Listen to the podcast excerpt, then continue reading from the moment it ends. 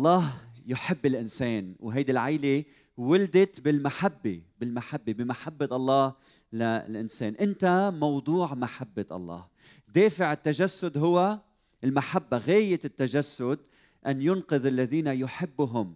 الله يحب الإنسان فتجسد وعاش بيناتنا. بالتجسد الله اتحد ببشريتنا فشفنا المحبة وجها لوجه.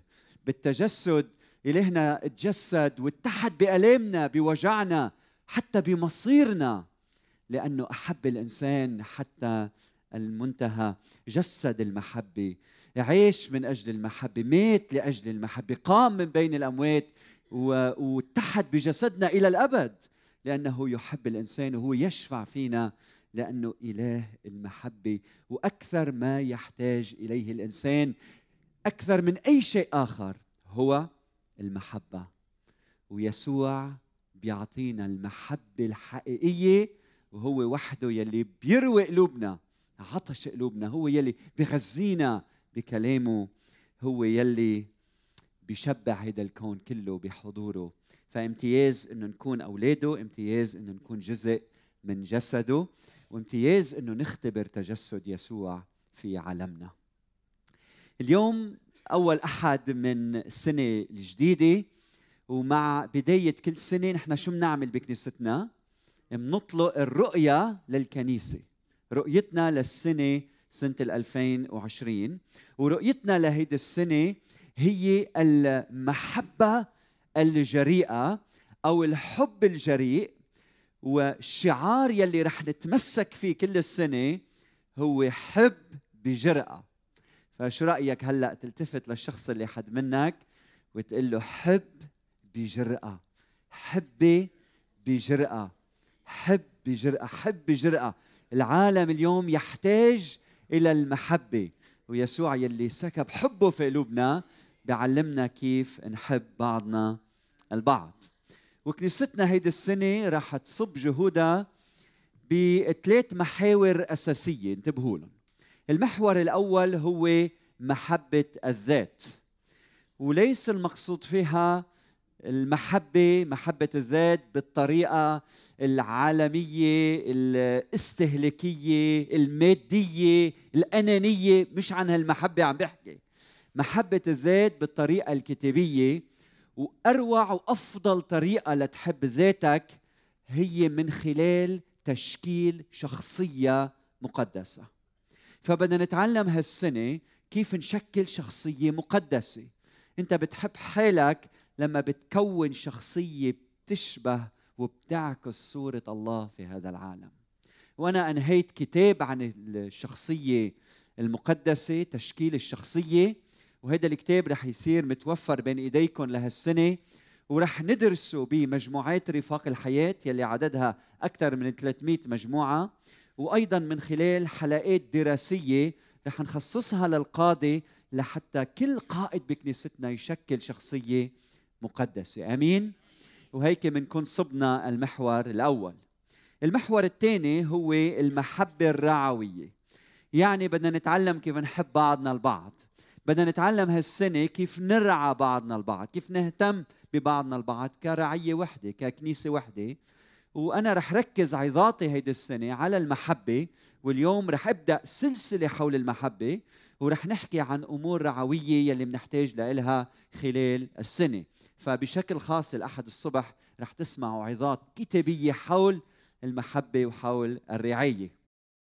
والأمر الثالث المحور الثالث هو محبة المجتمع.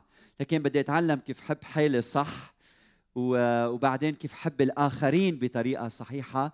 رعيتي إخوتي بالكنيسة وبعدين بدي أتعلم كيف حب المجتمع. ورح ناخذ مبادرات جريئة هيدي السنة لحتى نحب مجتمعنا بطريقة خلاقه وطريقة جديدة. بالإضافة للأمور يلي بنعملها باستمرار من إغاثة ومساعدات طبية وتعليم وغيرها وغيرها وغيرها رح نقوم بأشياء جديدة بنعمة الرب. فاللي بدي أطلب منكم إنه نعمله هلأ إنه نوقف ونتكرس لهالرؤية رؤية ال 2020 ونصلي مع بعض وتحط حياتك لأنه هيدي الرؤية مش اللي هون بدهم ينفذوها الرعية كلها بدها تنفذ وتعيش هذه الرؤية رؤية سنة 2020 فخلونا نحن رؤوسنا في كلمة صلاة ونتكرس وأنتم ببيوتكم تكرسوا معنا لهالمشروع يلي رح نسميه مشروع الحب الإلهي إن نعيش بجرأة ونحب. بعضنا البعض ونحب حتى البعدين وحتى أعدائنا. إلهنا الصالح بهاللحظات ككنيسة القيامة. وكل شخص يا رب عم بيشاهدنا وعم يسمعنا. جايين نقول لك يا رب جايين نتكرس لمشروع المحبة. جايين نعطيك حياتنا ونقول لك علمنا كيف نحب يا رب. خدنا إلى أماكن جديدة فهمنا الحب بطريقة جديدة. جايين نقول لك يا رب عنا استعداد. استعداد بنعرف إنه بالمحبة في تضحية. جايين يا رب مستعدين للتضحية. من أجل ما صنعت لأجلنا أنت يلي ضحيت بحياتك وأغلى ما عندك. ابنك وحيدك ليكون لنا الحياة ولكي يكون لنا الأفضل. مشروع المحبة درب المحبة هو الدرب يا رب يلي قررنا نمشي فيه لحظة ما آمنا بشخصك. وما رح نتراجع. فجايين نتكرس المحبة حتى ليلي بيضطهدونا حتى ليلي بيأذونا حتى يلي ليلي بيكرهونا يا رب. بنقول لك بدنا نحبهم علمنا علمنا يا رب كيف نحب المحبة يلي أنت حبيتنا فيها. صلي للكنيسة يا رب أنه نتحد كلنا حول هالرؤية ونسعى ونتعلم كيف نحب ذواتنا من خلال تشكيل شخصية مقدسة. نتكرس يا رب لمحبة الرعية لمحبتنا لبعضنا البعض. علمنا كيف نصغي نسمع نهتم نرعى بعضنا البعض بالشكل الصحيح هيدي السنة. واعطينا يا رب أفكار ومبادرات جريئة لمحبة المجتمع. من حولنا لحتى يرى العالم النور يسوع. فليضئ نوركم هكذا قدام الناس فيروا أعمالكم الصالحة فيمجدوا أباكم الذي في السماوات.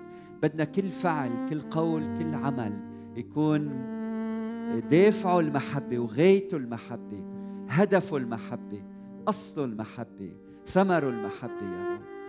ويصنع ثمر في حياة الناس. نصلي باسم يسوع ولك كل المجد إلى الأبد. آمين آمين. تفضلوا. آمين. وهلا من بعد ما تكرسنا لمشروع المحبة لهيدي السنة وقبل ما نرنم ترنيمة حول المحبة بدي أحكي كلمتين عن المحبة الكتابية. الكتاب المقدس ذكر فيه كلمة المحبة بتنوع مفرداتها لأنه انتبهوا بالأصل العبري واليوناني في عدة كلمات للمحبة. انذكرت تقريبا بالعهد القديم شي 400 مرة وأكثر وبالعهد الجديد حوالي 280 مرة. فقط المزامير مثلا بيحتوي على 160 مصطلح للمحبة عن المحبة محبة الله أو محبتنا لبعضنا البعض. إنجيل يوحنا 57 مرة رسالة يوحنا 46 مرة. فهالقد موضوع المحبة موضوع مهم وبنحتاج إنه نتعلم ونتعلم ونتدرب فيه. فأنا وعم فكر كيف بدنا هالسنة نتعلم عن المحبة. فخطر على بالي إني اجمع كل المفردات المصطلحات اللي بيحكوا عن المحبة أعمل فيهم الليحه كل أسبوع أحكي عن مصطلح. بعدين قلت أنا لا خليني أحكي عن مواضيع لها علاقة بالمحبة.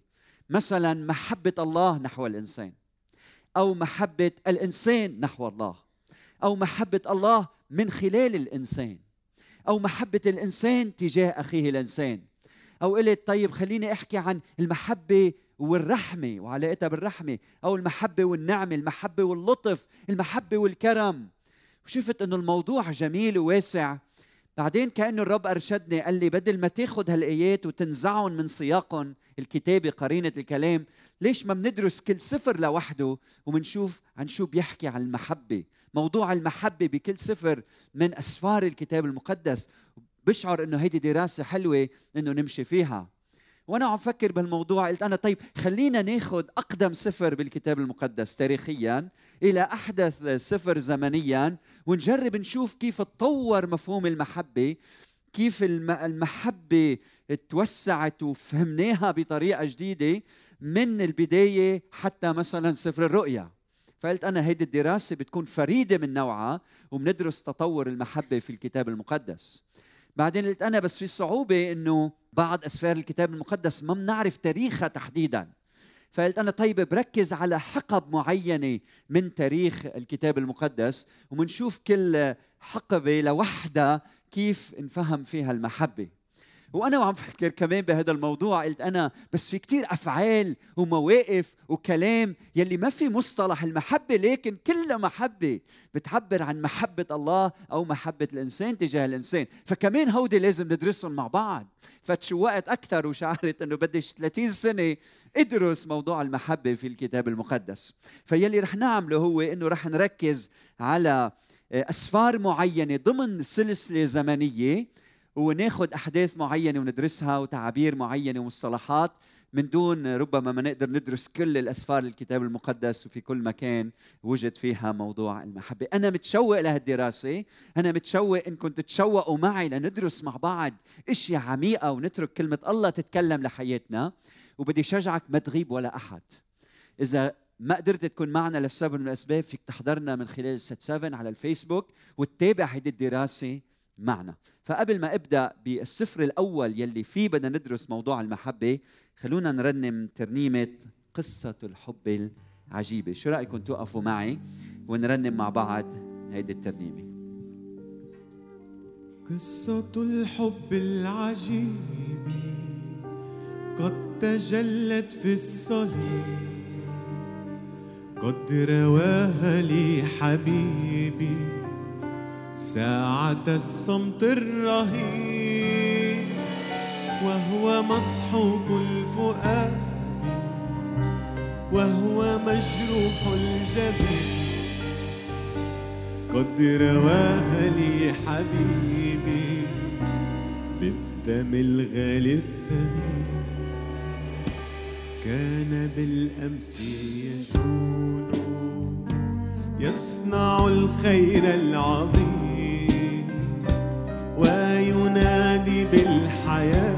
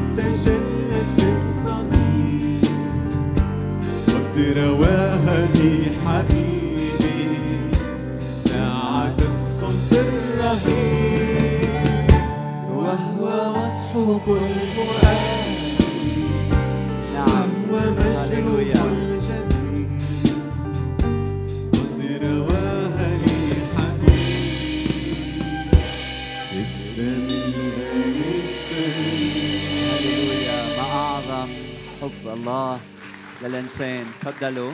تفضلوا عدو فمثل ما قلت رح ركز على أسفار معينة ضمن سلسلة تاريخية معينة ورح ناخذ نماذج عن المحبة وندرسها مع بعضنا البعض. السفر الأول يلي رح ندرسه اليوم مع بعض مين بيعرف شو هو؟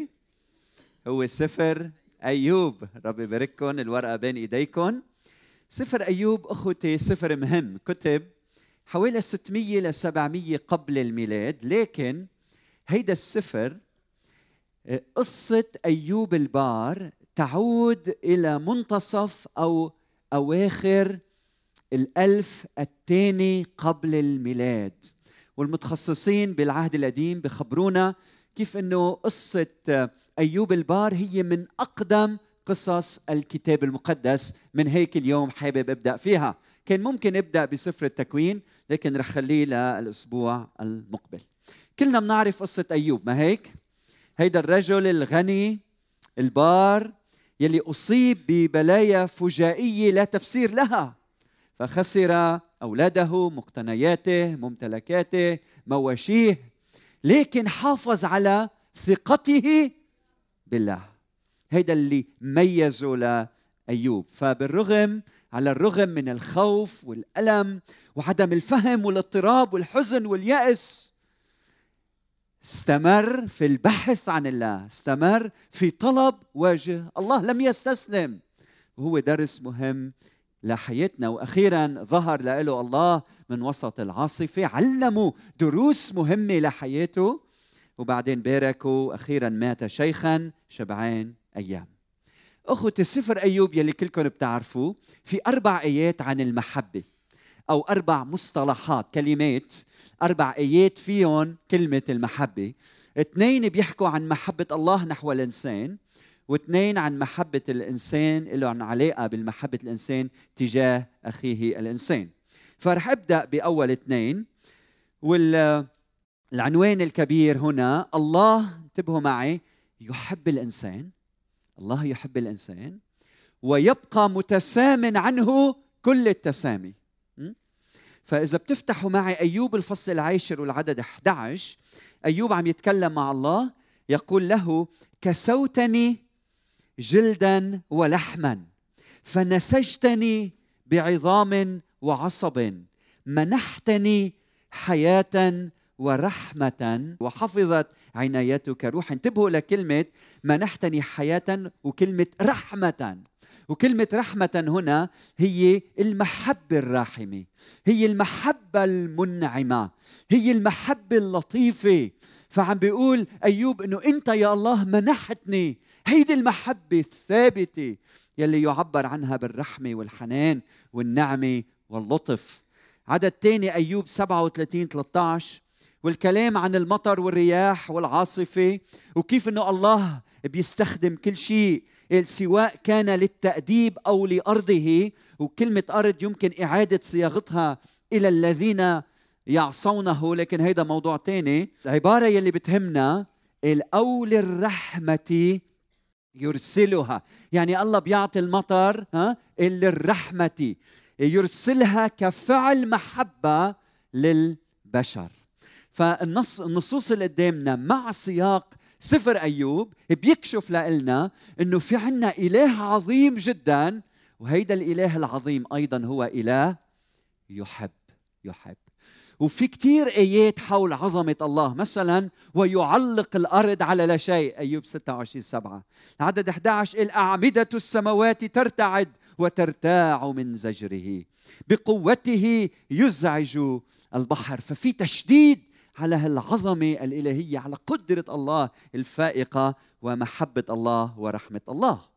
والسؤال المهم يلي بهمك وبهم كل واحد منا على مر العصور هو هذا هل هذا يعني إذا كان الله قادر على كل شيء والله محب وأنا الإنسان عايش بقداسه وأنا إنسان تقي هل هيدا بيعني إنه أنا لا أتألم؟ جواب بسفر أيوب هو كلا كلا. وبيكشف لنا سفر أيوب إنه على الرغم من الألم يلي أحيانا لا تفسير له وعلى الرغم من الصمت الإلهي يلي بيعجز الإنسان يفهمه الله يبقى أمينا وصالحا وحنون ومحب وحاضر ويسمع لصراخ الإنسان حتى ولو الإنسان مش قادر يفهم شو عم يحدث معه. المشكلة إنه بيظن الإنسان البار أحيانا بأنه أخوتي وصل لمرحلة روحية يلي بيقدر من خلالها يطالب الله بحقوقه ويشعر إنه هو قادر بسبب تقواه إنه يحاسب الله إذا الأمور ما مشيت كما يريد. ولهيدا الشخص أيوب عنده الكثير أن يقوله له. بسفر أيوب الفصل 31 من بعد ما تكلم أيوب عن عينه الطاهرة وسلوكه الطاهر وفكره الطاهر وكلامه الطاهر وأعماله الطاهرة ومن بعد ما حكي عن عن كل هودي. وإذا أنت عم تقرأ هيدا النص وأنا درسته وتأملت فيه وقريت أيوب مرتين هيدا الأسبوع وبشجعك تقريه الأسبوع اللي جاي علينا اكتشفت أنا وعم بقرأ الفصل 31 قديش في بقلبه ألم وعتاب على الله. وشعور بعدم العدل الإلهي. وربما بكلامه في كبرياء أو بأنه أبر من الله. وسبق وقال قال حي هو الله الذي نزع حقي. مين يلي نزع حقه؟ الشرير العدو. يلي نزع لي حقي هو الله. وصل لهالدرجة إنه يقول لربنا أنت نزعت لي حقي. لن تتكلم شفتاي اثما ولا يلفظ لساني بغش. هل شعرت يوم بهالشيء شعرت إنك متروك مهمول خسرت أغلى اللي عندك وشعرت يا رب أخذت لي حقي. كنت عايش لك وبحبك وعم بخدمك وأخذت لي حقي. بعدين بنشوف بالفصل 38 وما بعد. كيف الله ظهر لأيوب في وسط عاصفة الحياة. بوسط العاصفة بيقول له هذه الكلمات أرجو أن ننتبه لها. قال من هذا من هذا الذي يظلم القضاء بكلام بلا معرفة؟ شو يعني؟ شو يعني؟ يعني الله عم بيقول له لايوب مين أنت؟ يلي أنا القاضي أنا الإله القاضي القضاء اللي بالسماء أنت عم تنسب له الظلم. مين أنت يا أيوب؟ يعني مفكر حالك؟ بعدين بيقول له فهون أيوب عم يتهم ربنا بأنه عم يتصرف بشكل عشوائي وغير عادل. من هذا الذي يسوي التدبير؟ العدد أربعة بيقول له أين كنت حين أسست الأرض؟ وين كنت؟ عدد 26 الفصل 39 بيقول له أبفطنتك يطير العقاب وينشر جناحيه نحو الجنوب؟ أو بأمرك يحلق النسر ويعلي وكره. الفصل الأربعين عدد اثنين يسأل الله هل يخاصم القدير موبخه؟ يعني بتوبخني وبتخصمني أنا الإله الحي اللي خالق السماء والأرض؟ عدد ثامن لعلك تناقض حكمي وتستذنبني لكي تتبرر أنت. يعني بتعمل الله مذنب حتى أنت تتبرر. هل لك ذراع كما لله هل عندك قوة ربنا؟ وبصوت مثل صوته ترعد؟ بالعدد العاشر بيقول تزين الآن بالجلال والعز والبس المجد والبهاء. شو رأيك تاخذ مكاني؟ ما زالك بدك تحسبني. تعا أيها الإنسان وصير إله وخذ محلي. عمول نفسك إله فكان جواب أيوب من بعد ما ظهر له الله من العاصفة. فهم. العدد أربعين من الفصل العدد أربعة من الفصل أربعين بيقول له ها أنا حقير. أنا حقير. فماذا أجاوبك؟ وضعت يدي على فمي. ما عندي كلام أقوله فصل 42 2 بقول قد علمت أنك تستطيع كل شيء ولا يعسر عليك أمر. لكني قد نطقت بما لم أفهم بعجائب فوقي لم أعرفها بسمع الأذن قد سمعت عنك والآن رأتك عيني.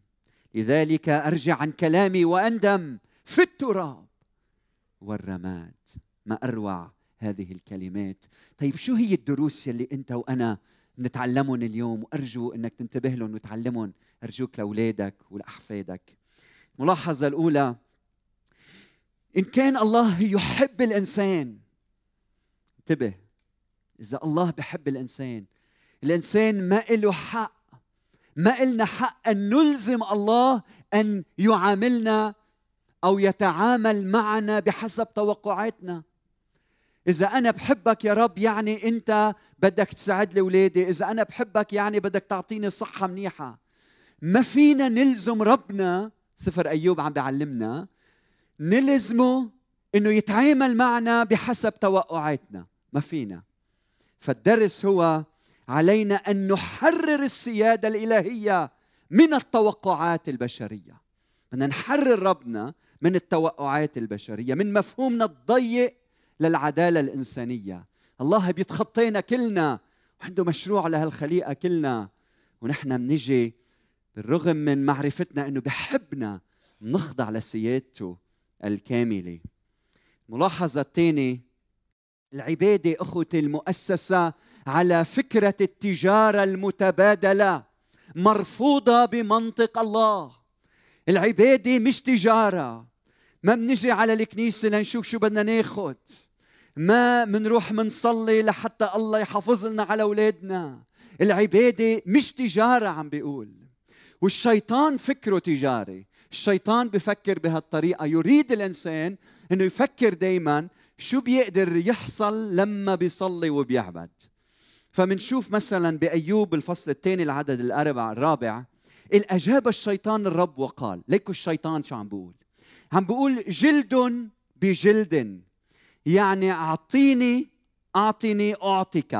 جلد بجلد يعني حك لي ظهري بحك لك جلدك. حك لي جلدي بحك لك جلدك. جلد بجلد وكل ما للإنسان يعطيه يعطيه لأجل نفسه.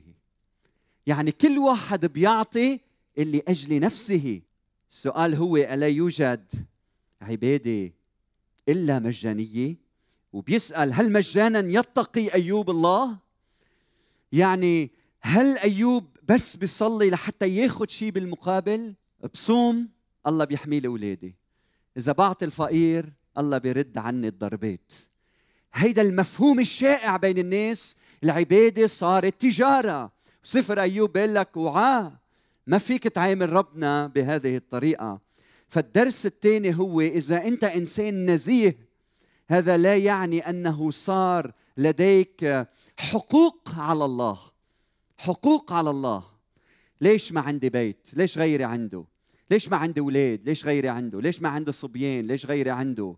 ها؟ صار عندي حقوق على ربنا ما أنا عم صلي ما أنا عم عيش كما تريد. أخوتي ليست التقوى صناعة. مهنه بتولد الرفاهية والسعادة. من وين اجى هالمفهوم هيدا؟ إنه الصلة ما بين العبادة والرفاهية. العبادة وعدم وجود الألم. هيدا الشيء خارج عن منطق الله. إيه ممكن واحد يكون تقي وبحب ويختبر الألم والوجع مثله مثل كل مثل كل الناس. الدرس الثالث والأخير يلي بنتعلمه هنا إنه حتى ولو لم نفهم نبقى في سعي نحو الله مثل أيوب. حتى ولو الظروف كانت ضدنا منضلنا نحو الله نحو الله نحو الله. منجيب مفاهيمنا منجيب شكوكنا منجيب ألمنا منجيب ضعفنا. وشو بنعمل منطرحه في الحضرة الإلهية قدام الله. خلي الله يعلمنا يفهمنا يساعدنا نكتشف مقاصده لحياتنا بالظروف يلي عم نعيشها. خلونا نحرر الله من قيود العقل. حرر الله من قيود العقل. الله منه أسير طريقة تفكيرك ولا أسير ديانتك ولا أسير عبادتك. الله حر وبدك تحرره. أنت بعقلك هو حر بس أنت بدك تحرره.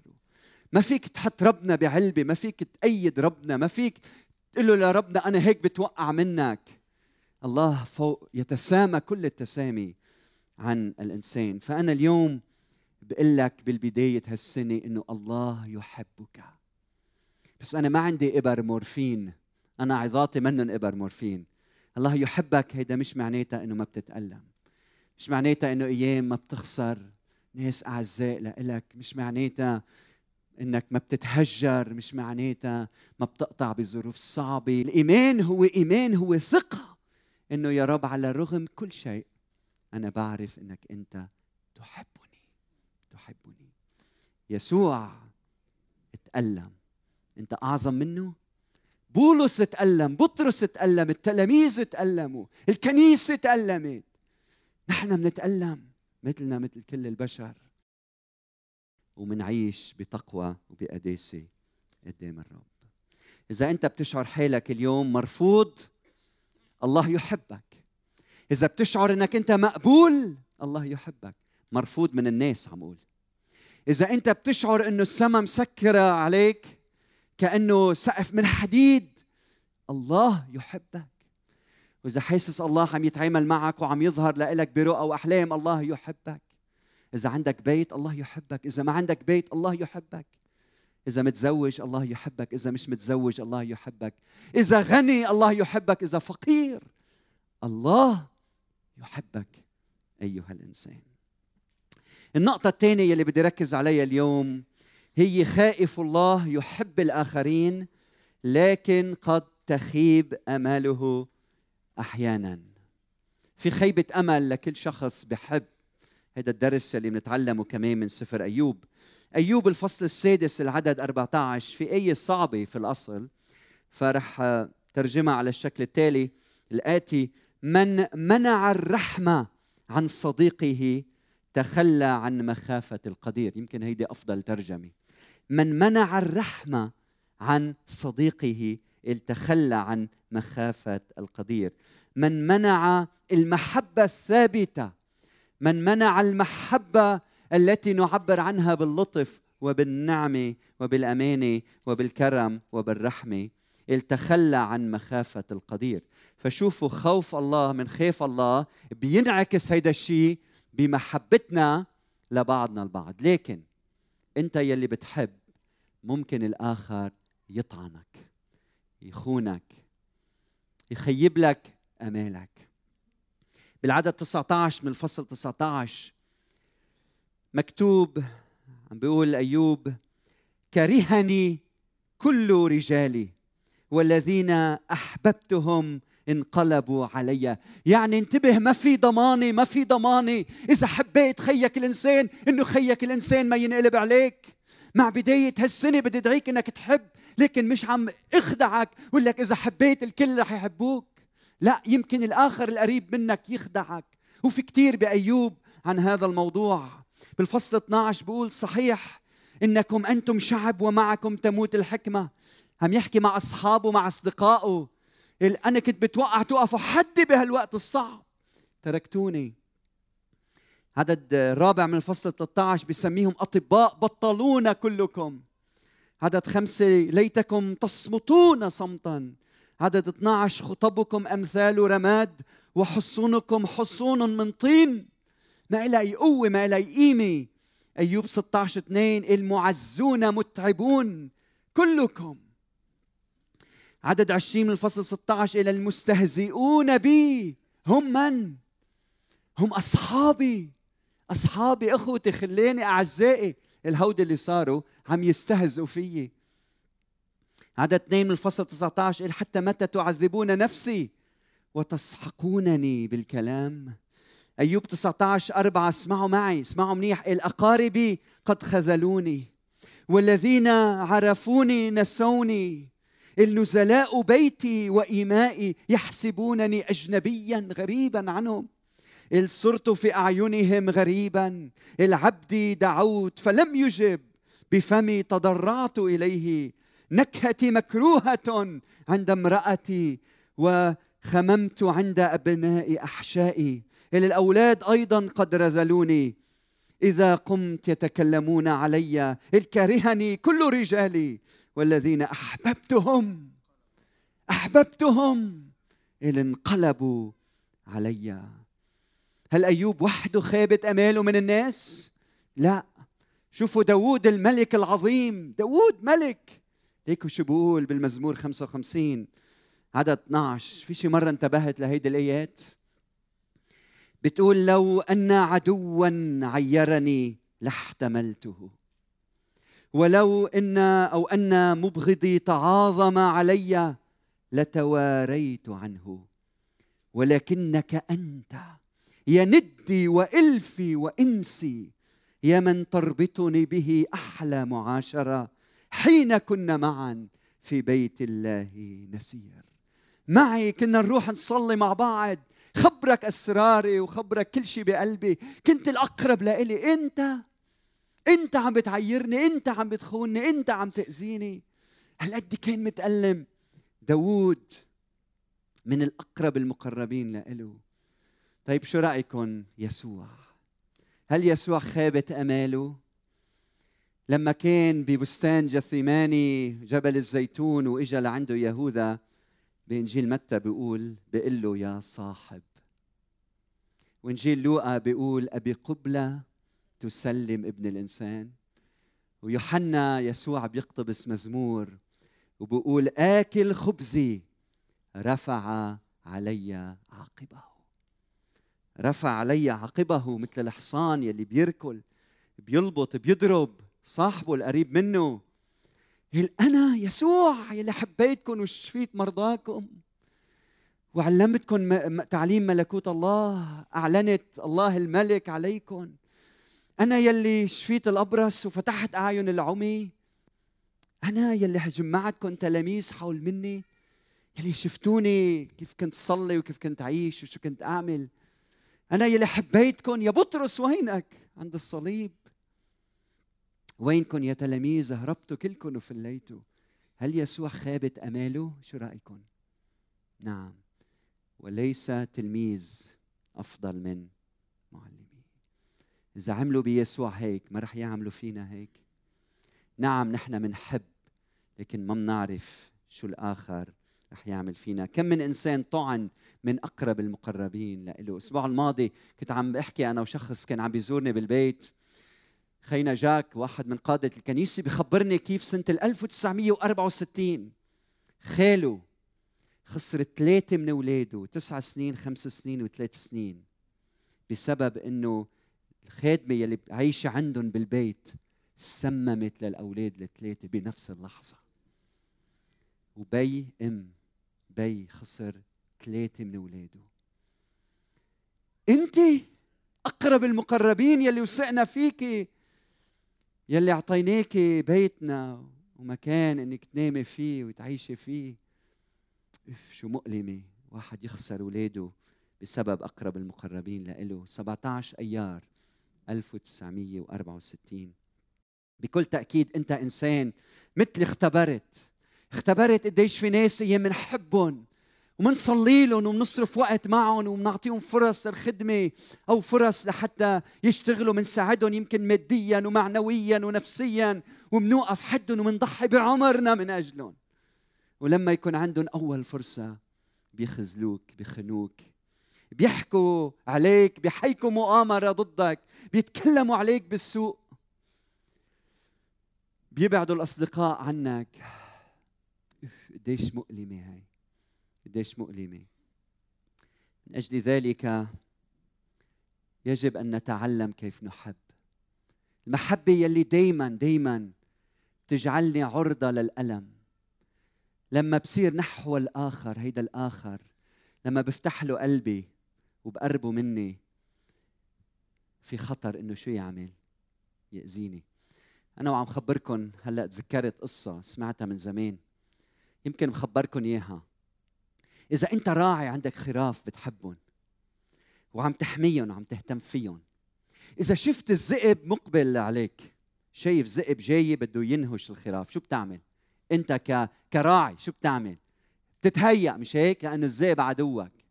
فبيجي عليك الذئب وراكد عليك وانت معك عصاية أو بتلف شقفه حول إيدك ولما بيوصل الذئب وبده ينط تحط له إيدك ها؟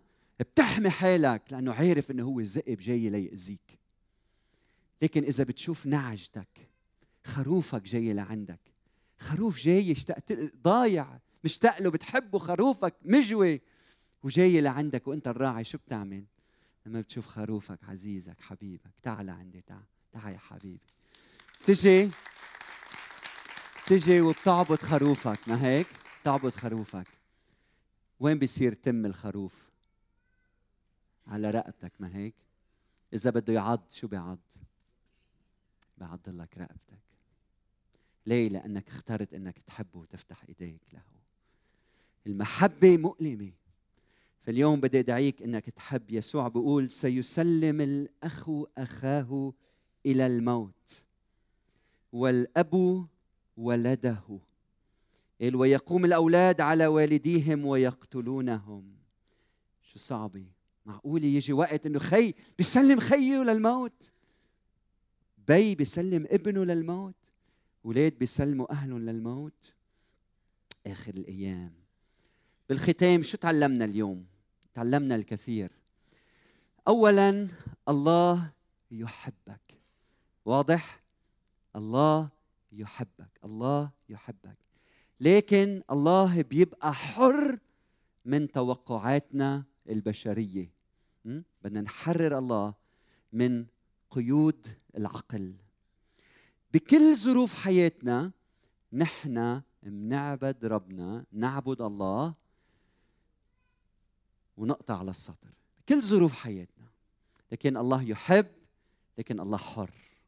ونحن منعبد الله من دون مقابل. النقطة الثانية نحب الإنسان نحب الإنسان.